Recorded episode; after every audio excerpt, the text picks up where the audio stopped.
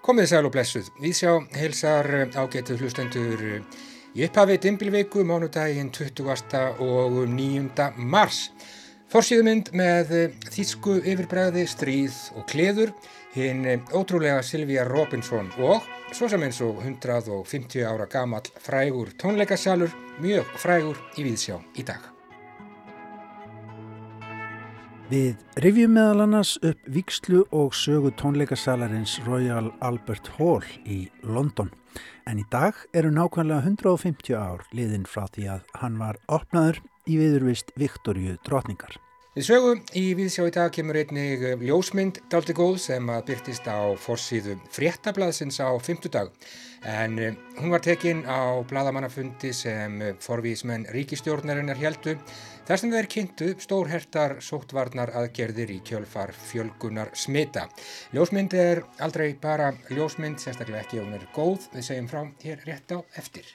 Í tónlistarátninu heyrandi nær skoðar Arljótur Sigursson að þessu sinni farsalan feril bandarísku tónlistakonunar Silvíu Robinson frá því hún byrjaði 17 ára gömul og þar til að hún allir strömmkörfum sem einn af bröðriðendum hip-hop tónlistar.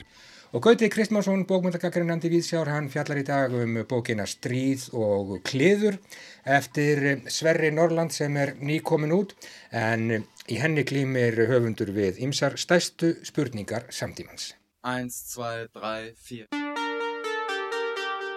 En við byrjum einhvern veginn svona.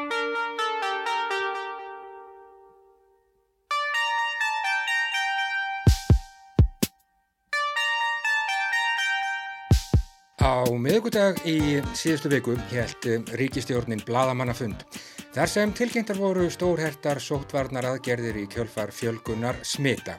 Þarna voru engin gleði tíðindi á ferðinni tíu manna samkomiðbann sem á að gilda. Í þrjár vikur hefði minnsta var bóðað greint var frá því á fundunum að grunn framhalds tónlistar og háskólum sem á starfsemi sem rúmast ekki innan fjölda takmarkana er því lokað og já, fyrir huguðu páska ferðalög landsmanna þau voru slegin af. Sum sé, og já, hreint engin gleði tíðindi á ferðinni. Eins og ég held að Katrín Jakobsdóttir fórsættisráð þeirra hafi komist að orði öðru nær. Blaðmannafundurinn fór fram í hörpu og það var, já, framlínu fólk í ríkistjórninni sem tróð upp þau Katrín Jakobsdóttir fórsættisráðara, Bjarni Benediktsson fjármálaráðara, Svandís Svavarsdóttir heilbriðisráðara og Lilja Alfredsdóttir metamálaráðara. Á fórsíðu fréttablaðsins á 50 dag byrtist stór ljósmynd eftir Erni frá fundinum. Myndin er tekin að ofan og við blasa fjórmenningarnir uppstiltir þau standa Hvert um sig við lítið hringlaga borð, Bjarni Benediktsson, hann baðar út höndum. Hann hafði greinilega orðið á því augnabliki sem myndin var tekin. Tvekja metram reglan auðvitað virt. Þau standa hérna fjögur í mikillir byrtu. Það hefur greinilega verið gott veður í Reykjavík á miðgudag, gluggamunstrið Speiklast áliti fallega á golffletinum ráðherrarnir standa þarna eins og popstjörnur á sviði. Maður býst alltaf eins við því að innan skams muni þau taka lægið en það er og var auðvitað öðru nær.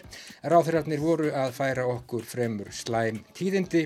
Þau hefðu auðvitað geta verið verri en slæm voru þau samt. Frá því að um, ljósmyndin byrtist á fórstíðu fréttablaðsins á fymtudaginn hef ég verið með um, hugan við hana. Ég klift hana út og um, hef virt hana fyrir mér, haft hana hérna á skrifborðinu að minnstakosti gjóað augum á hana af og til. Eins og ég byggist við því að hún myndi allt í einu segja mér eitthvað. Ljósmynd er alltaf eitthvað annað og meira en bara ljósmynd. Það er engin sóttvarnar læknir á sviðinu, engin yfir lögreglu þjótt. Þarna eru kjörnir fulltrúar og það eru þeir sem eiga sviðið. Myndin verðist segja við okkur, við höfum tekið völdin aftur, við ætlum að ráða. Ábyrðin er og verður okkar. Við munum færa ykkur slæmutíðindin en við munum líka færa ykkur góðu tíðindin ef og þegar þau berast. Þetta er hinn sögulegi og pólitíski vingilmyndarinnar sem byrtist á fórsýðu frettablaðsins á fymtudag, daginn eftir fallegan miðugudag sem reyndist samt vera dagur ótíðinda.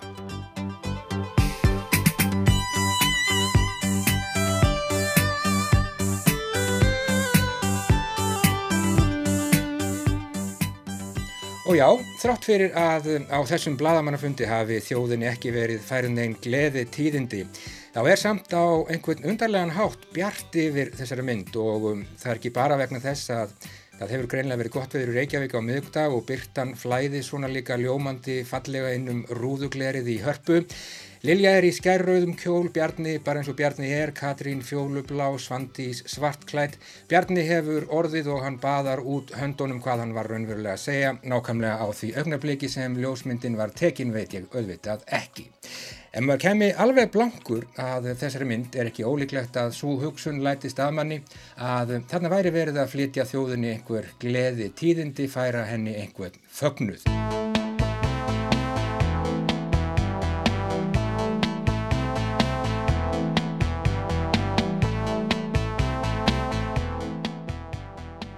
Og staðsetningin, Harpa, hefur hún einhverja merkingu í þessu samengi, tónleikahöllin góða, sem sannarlega var umdeild á sínum tíma en er það nú líklega ekki lengur.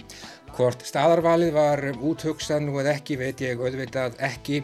Ég gerir ráð fyrir því að svona ákvarðanir þurfi að taka fljótt og vel og að það gefist ekki mikill tími til að pæla í Já, smáatriði eins og staðsetningu bladamannafundar þar sem fyrirhugað er að færa þjóðinni mikilvæg skilabúð.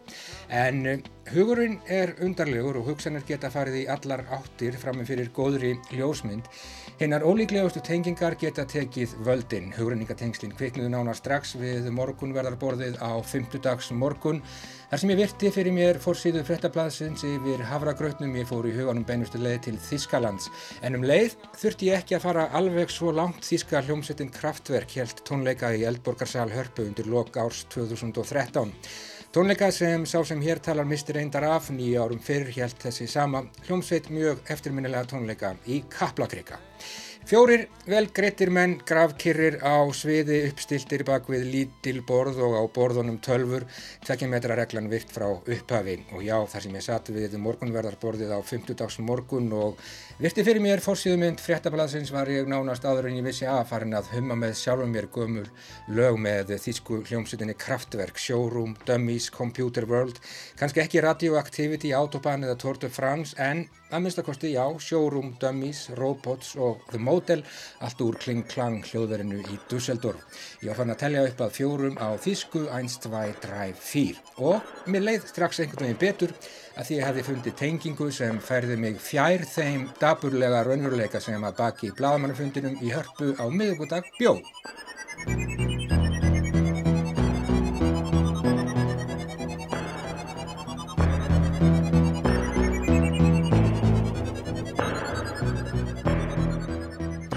Hljómsveitin Kraftwerk var og er fræg fyrir úthugsaða fagurfræði á öllum sviðum, ekki bara í tónsköpun sinni, heldur líka og ekki síður þegar kemur að hinnum sjónræna þætti, tilkomu miklum myndskreitingum á tónleikum, klæðaburði, plötualbúmum, öllu. Þarna er allt úthugsað, allt fáað og mögulega ískalt, snirtimennskan æfinlega í fyrirrúmi. Það er heillandi stíl yfir öllu því sem svo hljómsveit hefur afrekað á löngum ferli. Og já, Ég er ekki frá því að það hafi verið tölverður stíl yfir bladamannafundi fórkólfa ríkistjórnarinnar sem haldin var í hörpu á miðugudag þar sem kynntar voru stórhertar sóttvarnar aðgerður í kjölfar fjölgunar smita. Ég er ekki að segja að Bjarni Benediktsson sé einhver Florian Snæder eða Katrín Jakobsdóttir einhver Ralf Hutter, Svandi Svavastóttir einhver Karl Bartos eða Lilja Alfredsdóttir einhver Wolfgang Flur en samt það var einhver kraftverk bragur yfir þessu hjá ríkistjórninu og það hlýtur eiginlega að vera hrós.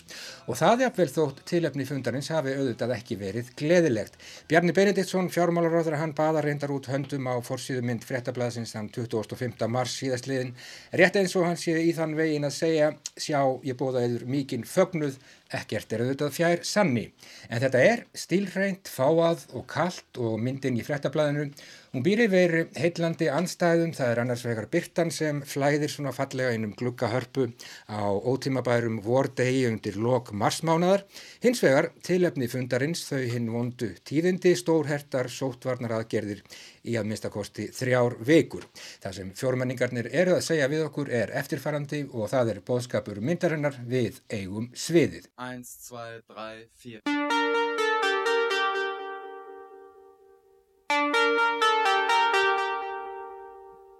Ég hvet ykkur ágættu hlustendur til að verða fyrir ykkur þessa ljósmynd sem Ernir tók og rataði á fórsíðu fréttablaðsins á 50 dag og ég hvet ykkur líka til að setja kraftverk á fónin og telja bara í á þýsku 1, 2, 3, 4. Þetta verður allt í lægi.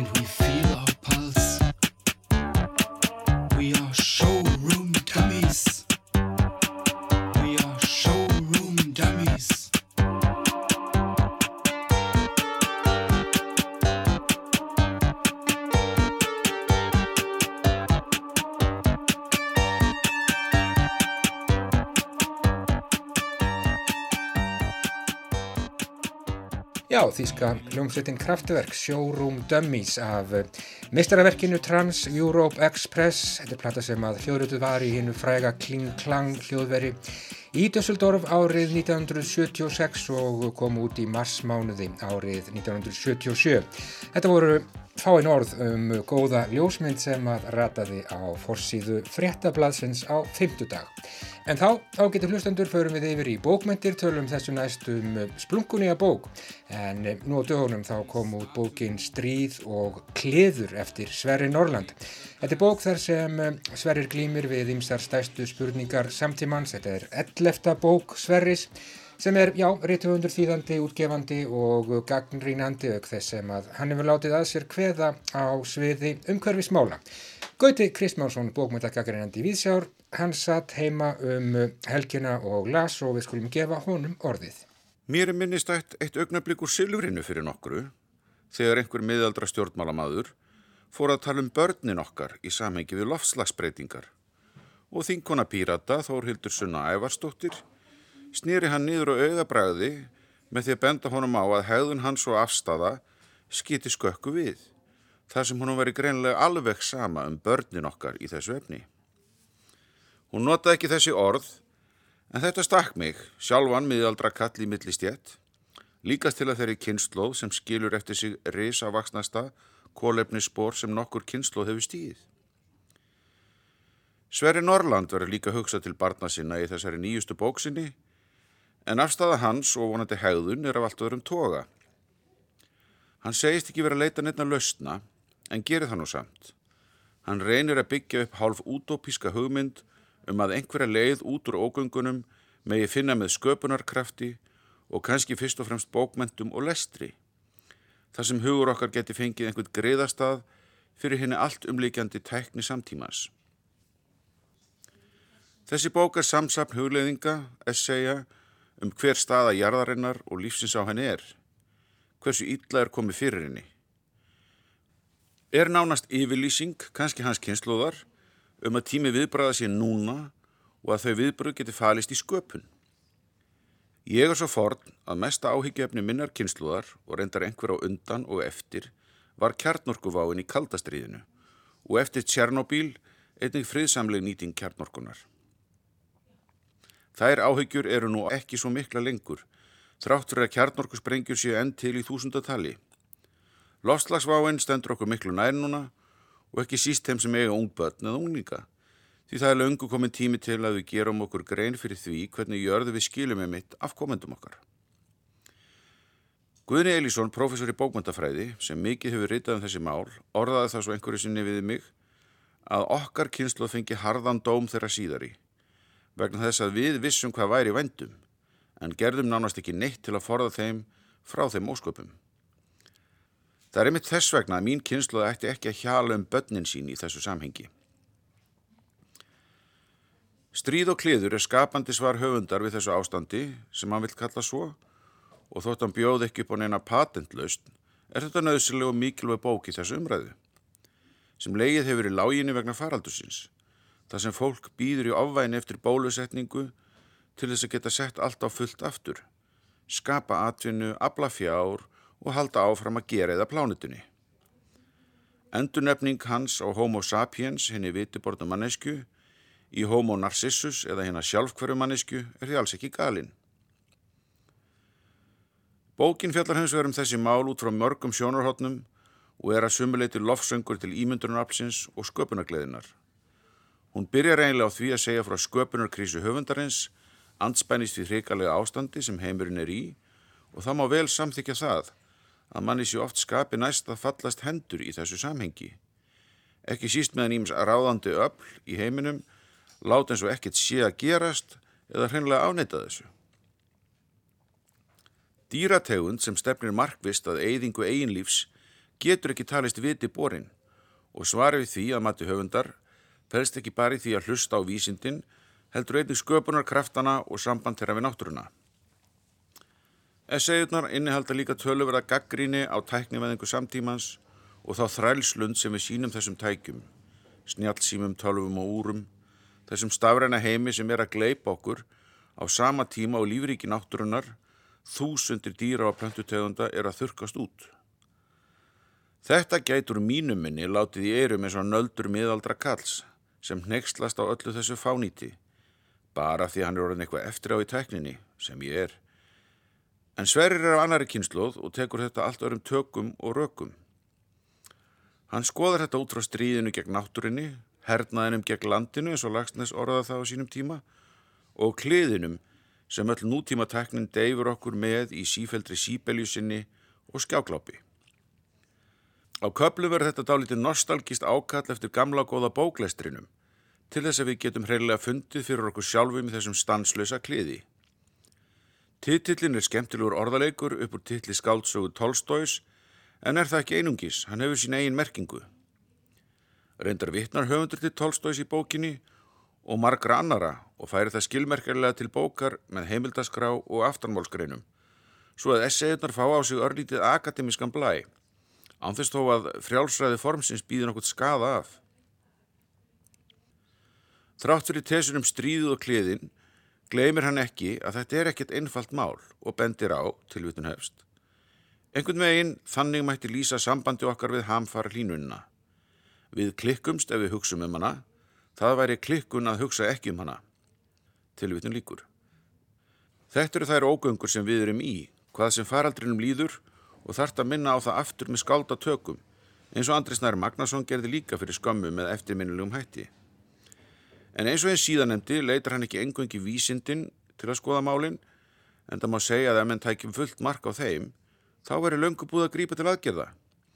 Nei, það þarf að höfða til annar sjálfsbergar viðleitni mannkins, fá það til að skinja og skilja vandan, finna hann undir hörundinu og það er kannski best að gera það með tækjum skáldskaparins eða listarinnar, að snerta heið mannlega eðli með honum svo það skinnir hreinlega hvað er á bakvið þurrar tölur og skýslur vísindamanna.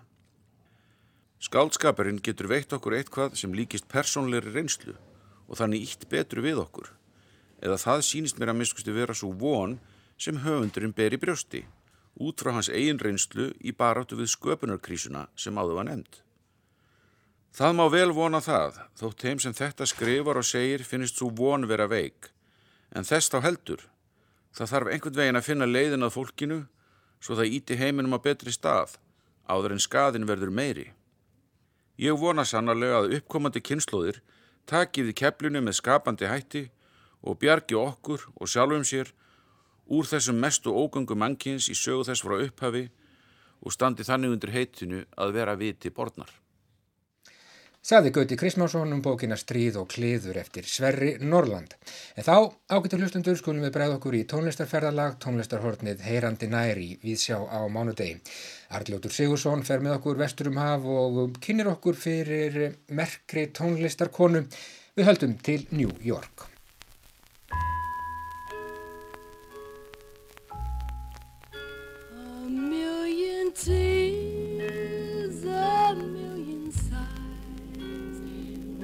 Try to smile and say goodbye, but all our dreams have gone astray since the day you went away. A million games of solitaire, and with each game heaven soon will grant my plea and send you safely home to me. Við heyrðum hér lagið A Million Tears en flytjandi var Little Sylvia. Fadur hennar var innflytjandi frá Jónfrúaregjum sem flutt hafði búferlum til New York borgar þar sem hún fættist árið 1935 og ólst hún upp í hennu víðfræga hverfi Harlem. Lag þetta kom út árið 1952 hjá Columbia Records en hinn 17 ára Sylvia var þá að stíga sín fyrstu skref í tónlistarbransanum. Hún var ekki aðeins frambærileg sönguna og flytjandi, heldur bjó í henni sköpunarþrá sem hún átti eftir að finna farveg áður en lónt um leið. 19 ára gömul byrjar hún samstarf við Mickey nokkur Baker, gítarleikara frá Kentucky sem kendi henni á gítar og fóru þau að vinna saman í tónlist undir nafninu Mickey og Sylvia. Heyrum nú lag þeirra Love is Strange. Love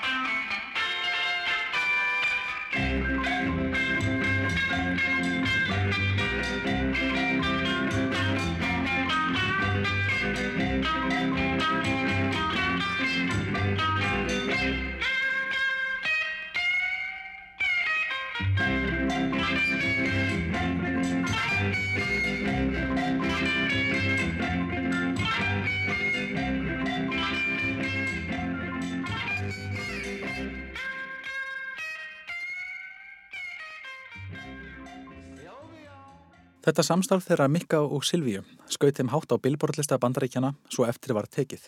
Lægið var byggt á rithmablús frá Bo Diddley, hvers sér enginni meðal frumrokkara var að nota í sinn koktil hinn suðræna og segðandi afrókúpanska hljóðheim og tilherandi hljóðfæranótkun sem íblöndunarefni. Heyrist það skýrt í þessu síðasta lægi, þar sem Andi 1-2 tja-tja-tja svífur yfir vötnum.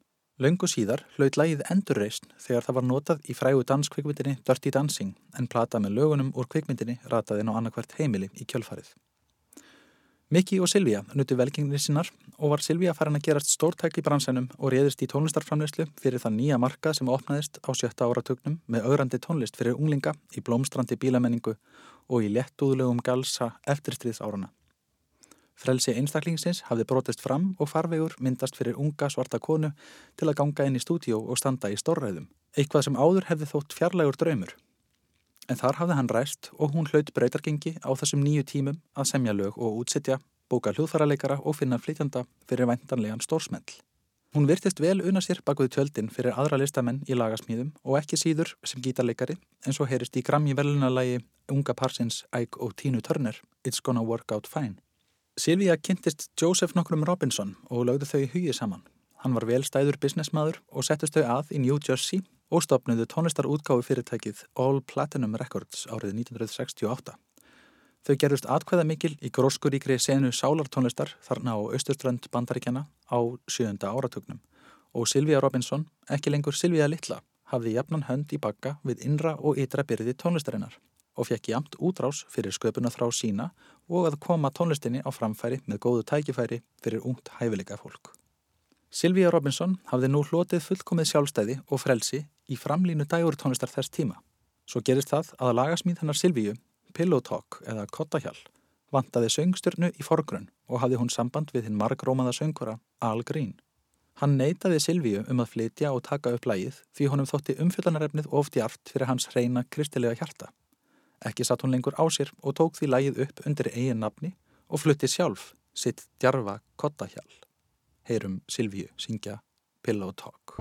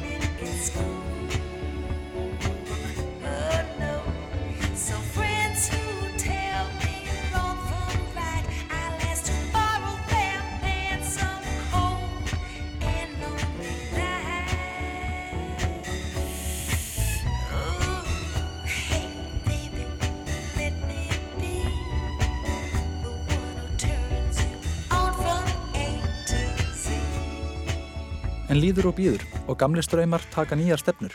Rögreitt framhald funktónlistar og diskosmella var að bruggast í stóra eplinu og hömruðu þau hjónakornin járnið meðan það var heitt og stopnuðu útgáfu fyrirtækið Sugar Hill Records sem er reglíf yfir útgáfu nýjustu tónlistarstefnunar sem var að reyðja sér farveg þar um slóðir. Hip-hop var það heillin og í árdaga þess var létt á bárunni, mest verið að halda upp í stöðinu og sveiflu í dansinu.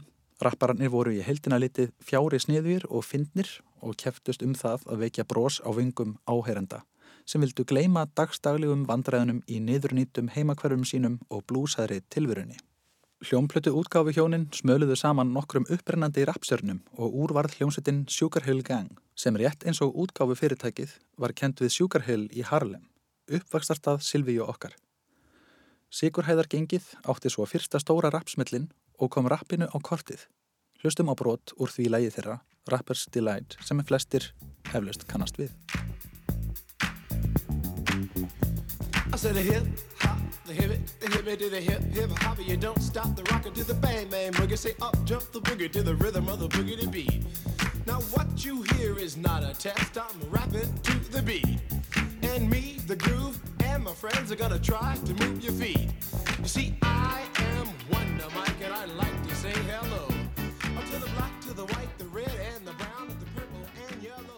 Einhver sagði að versta breytingin í tónlist væri engin breyting. Hljómsettin Grandmaster Flash and the Furious Five var búin að leggja afbæras svalan grunn að lægi og átti hljómsettin eftir að negla niður textan.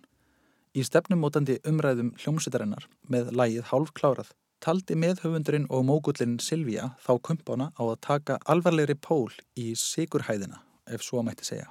Lífið þarna í Harlem var engin dans á rósum og eftir að hafa verið treyir til fjallust hljómsveitarfélagarnir á að nálgast intakið í textalagsins á mun raunsari hátt en nokkur hafði þórað að gera áður.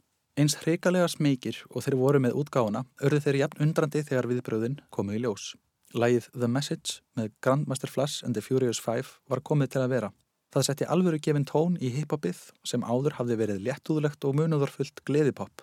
Lægið hefur staðist tímans tönn og einnig tónlist Silvíu Robinson en áhrifin sem hún hafði á tónlistarsöguna eru óumdelt.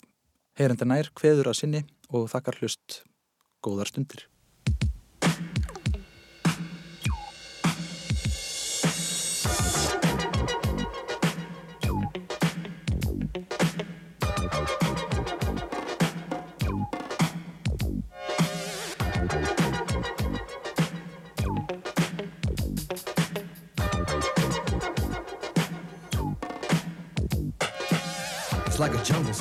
Makes me wonder how I keep from going under. It's like a jungle sometimes. It makes me wonder how I keep from going under.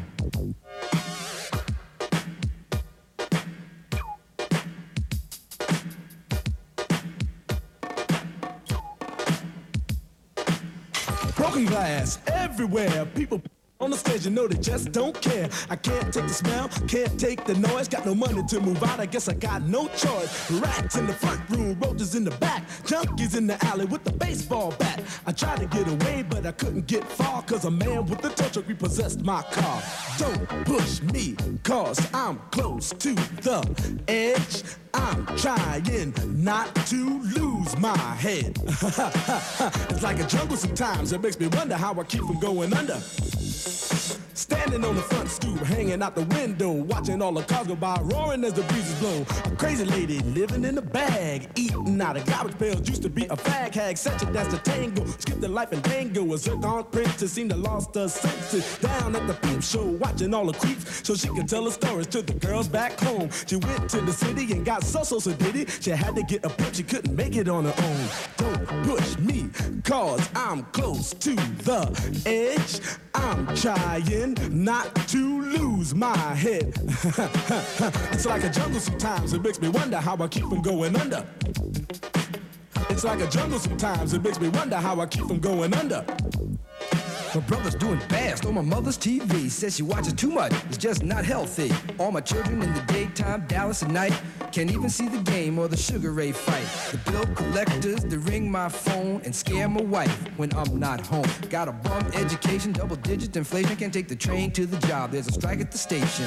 Neon King Kong standing on my back, can't stop to turn around. Broke my sacroiliac, a mid range migraine, cancer membrane. Sometimes I think I'm going insane, I swear I might hijack a plane. Don't push me, call, I'm close to the edge. I'm trying not to lose my head. It's like a jungle sometimes, it makes me wonder how I keep from going under. It's like a jungle sometimes, it makes me wonder how I keep from going under. My son said, Daddy, I don't wanna go to school cause the teacher's a jerk. He must think I'm a fool and all the kids smoke reefer. I think it'd be cheaper if I just got a job, learn to be a street sweeper. I dance to the beat, shuffle for my feet, wear a shirt and tie and run with the creeps cause it's all about money, ain't a damn thing funny. You got to have a con in this land of milk and honey. They push that girl in front of the train, took her to the doctor, sewed her arm on again. Stabbed that man right in his heart. Gave him a transplant for a brand new start. I can't walk through the park cause it's crazy after dark. Keep my hand on my gun cause they got me on the run. I feel like an outlaw, broke my last glass jaw. Hear them say, You want some more? Living on a seesaw. Don't push me, cause I'm close to the edge. I'm trying not to lose my head. Say what? It's like a jungle sometimes. It makes me wonder how I keep from going under. The Message skilabóðin. Grandmaster Flash frá New York hér í lokin. Það var Arljótu Sigursson sem að sá okkur frá bandarísku tónlistakonni Silvíu Robinson í sérlegu tónlistarhátni Víðsjár á mánudögum. Þessi pistill Arljótar var áður á dagskrá hjá okkur hér í Víðsjá í januar. En áfram hugum við að tónlist hér í Víðsjá og reyndar tónleika stað. Við höldum til London og eins og 150 ár aftur í tíman.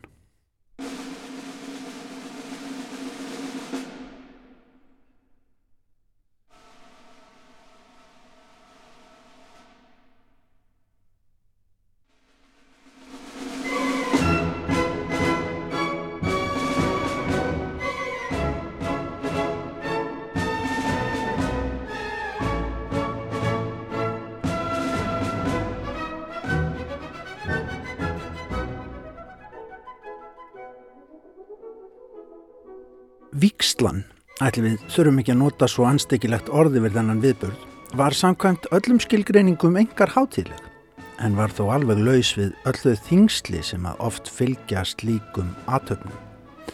Hún var glæsileg en samt einföld og dagskráin hæfði tilefninu engar vel. En þess sakna maður oft við slíka ofinbera viðburði.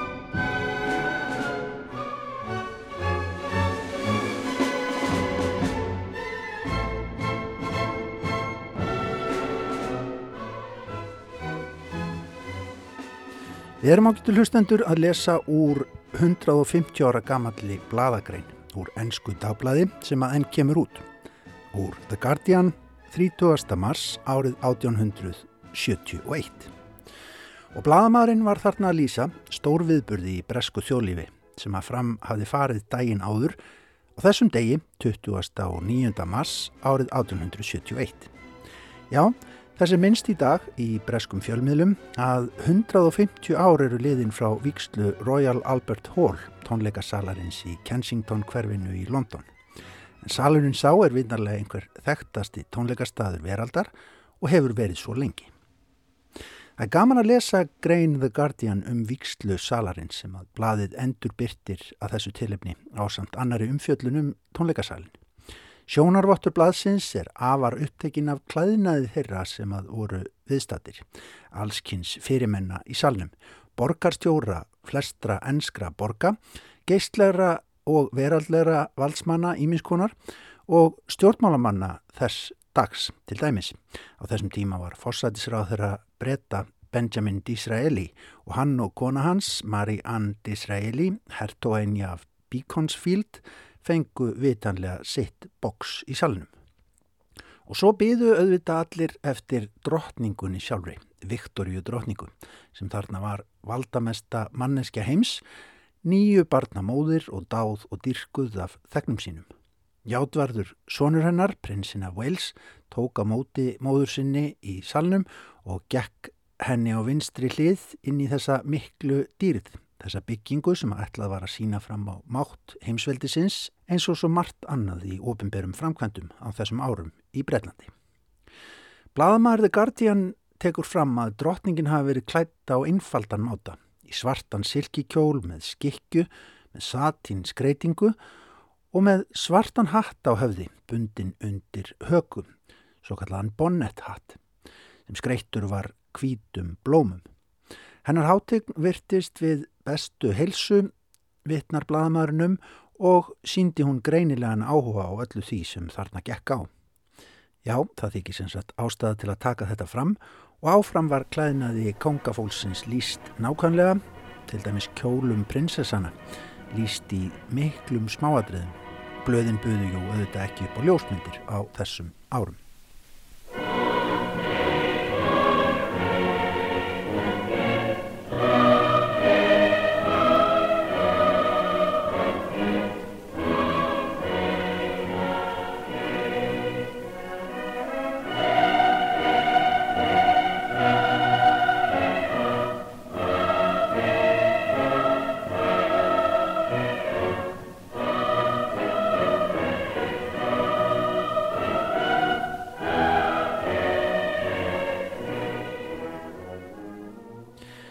Eftir að drottningin sjálf hafi verið lofuð í þjóðsöngnum tók erðaprinsinn til máls og svo hennar hátegn sem að mælti aðeins nokkur orð. Blaðamæður The Guardian tekur fram að hennar auðgreinanlega rött hafi heyrst um alla bygginguna þegar hún saði einfallega Ég get ekki annað en líst yfir mikill aðdán minni á þessari fallegu byggingu og sendt mínar innilegustu óskir um að hún fái hinn besta meðbyr. Svo mörg voru þau orð og sumir segja að drottningin hafi einfallega ekki treyst sér til að hafa fleiri orð uppi við þetta tilefni því hún hafði jú alveg ástæðu til að byrja einni tilfinningar sínar við þetta tilefni.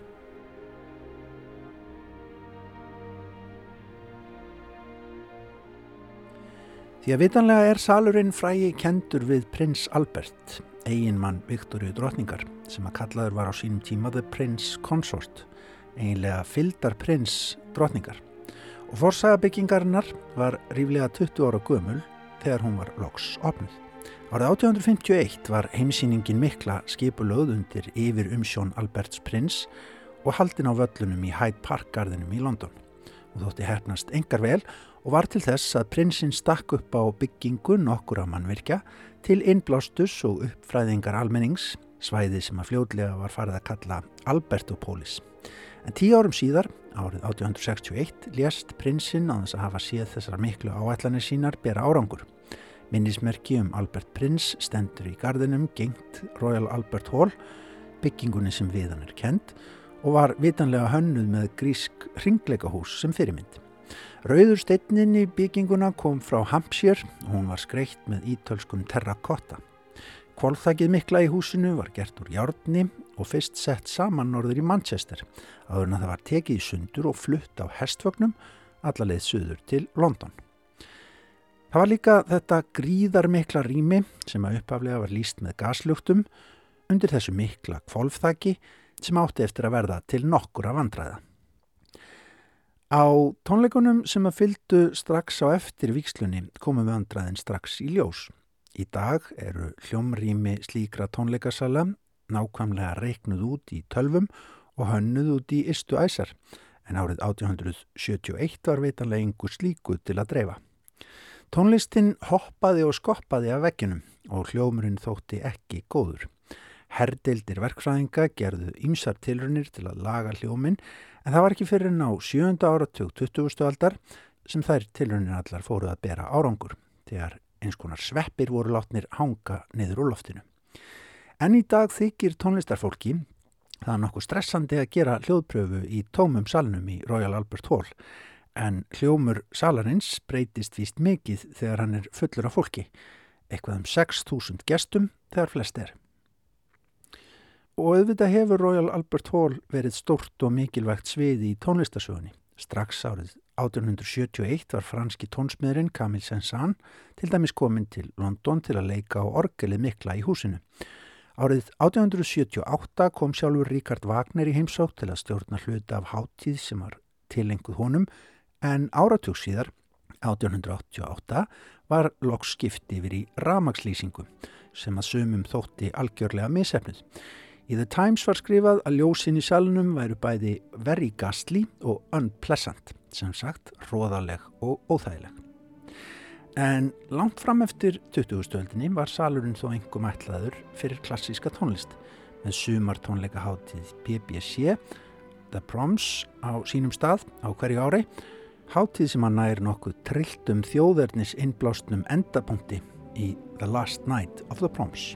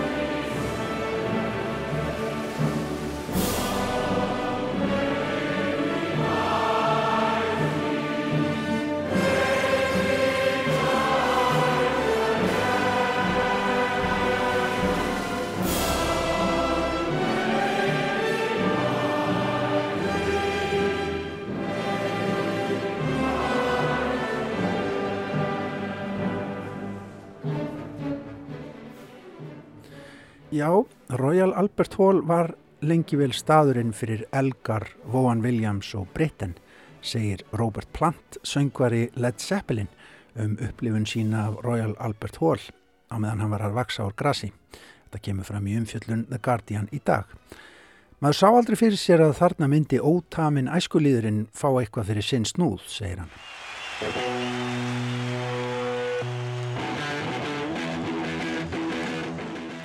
Það átti eftir að breytast. Þarna steg plant á svið aðeins tvítur á aldri strax eftir fyrstu plötu hljómsveitarinnar. Nánast skjálfandi á beinunum, segir hann, yfir því að vera komin í þennan fína sal. Og góðsagnakendir tónleikar hafa verið haldnir þarna ansi margir. Þarna voru til dæmis minningartónleikar um fórnarlömp Titanic-slissins árið 1912 fimm vikum eftir þann skjálfilega atburð þar sem að 1514 farþegar á skipinu týndu lífi sínu. Tæplega 500 tónlistamenn tóku þátt í tónleikunum og tónleikarnir náðu hábúnti þegar að leikin var sálmörinn Nearer My God to Thee sama tónlist og hljómsveitinum borði í skipinu leik fram í andlátið. Árið 1963 voru haldin þarna tónleikar sem að kallaðir voru The Great Pop Prom og þá komu fram í eitt af örfáum skiptum bæði Beatlarnir og The Rolling Stones. Paul McCartney á að hafa sagt eitt sinn við og strákarnir í Stones hugsuðum þetta er málið, London, Royal Albert Hall, okkur leið eins og við værum guðir. Og þarna kom líka Bob Dylan árið 1966 og hjælt fræga tónleika nokkrum eftir að hafa verið kallaður Judas á ennfrægari tónleikum norður í Manchester.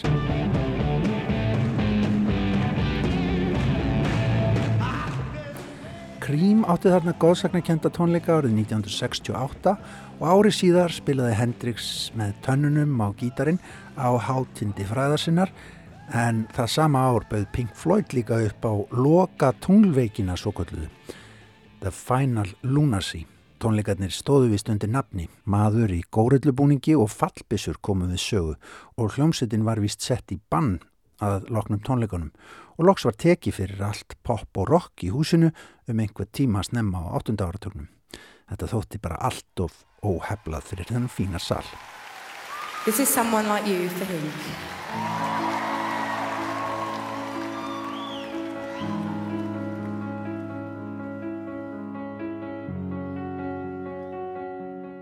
En listin yfir góðsagnakenda tónleika í The Royal Albert Hall hefur auðvitað lengst og lengst. Íslenski tónlistamenn hafa stíðið þar á stokk, við rámar í tónleika með stuðmönnum þarna og líka hefur Sinfoníu hljómsveit Íslands lagt leið sína í salin. En við skulum ljúka þessu á mögnuðum tónleikum sem eru í yngri kantinum þó að þeir séu vissulega orðnir ríflega tíu ára. Söngkonan Adele eignaði sér algjörlega þennan risastóra sal árið 2010 þegar hún kom þarna fram. Flutningur hennar á læginu Someone Like You er eiginlega algjörlega magnaður, eitt af þessum gæsahúðar augnablikum þegar einn listamæður stendur í ljóskeilu frammi fyrir þúsundum áherenda og syngur sig inn í eilífðina.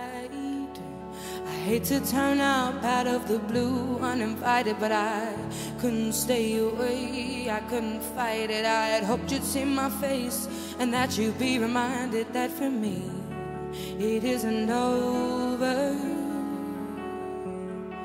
Never mind, I'll find someone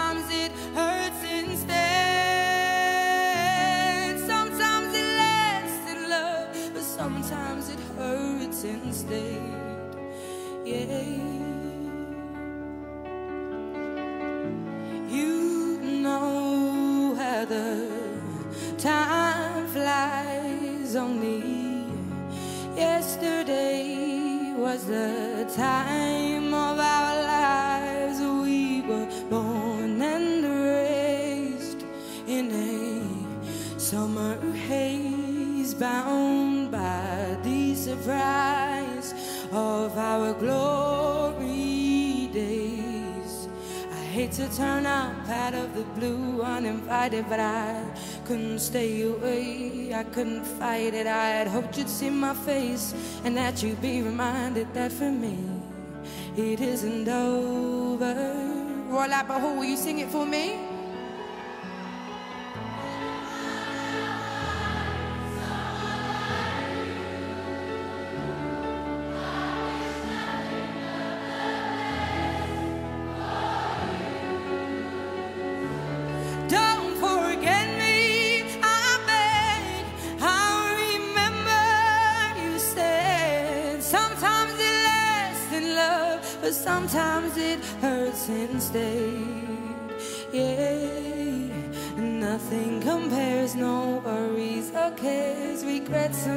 Mistakes, their memories made.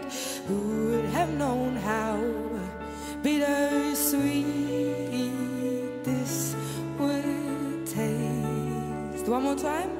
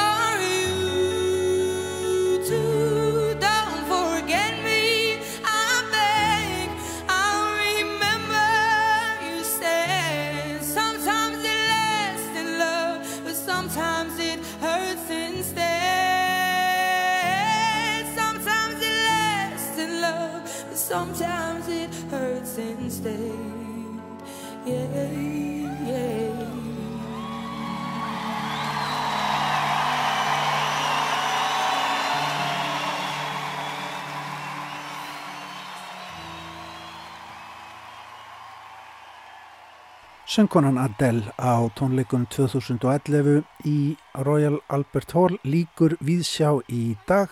Við verðum hér aftur á morgun á okkar stað á okkar tíma, laust eftir klukkan fjögur, auðvitað ára á sett. Takk fyrir samfélgina í dag og eriði sæl.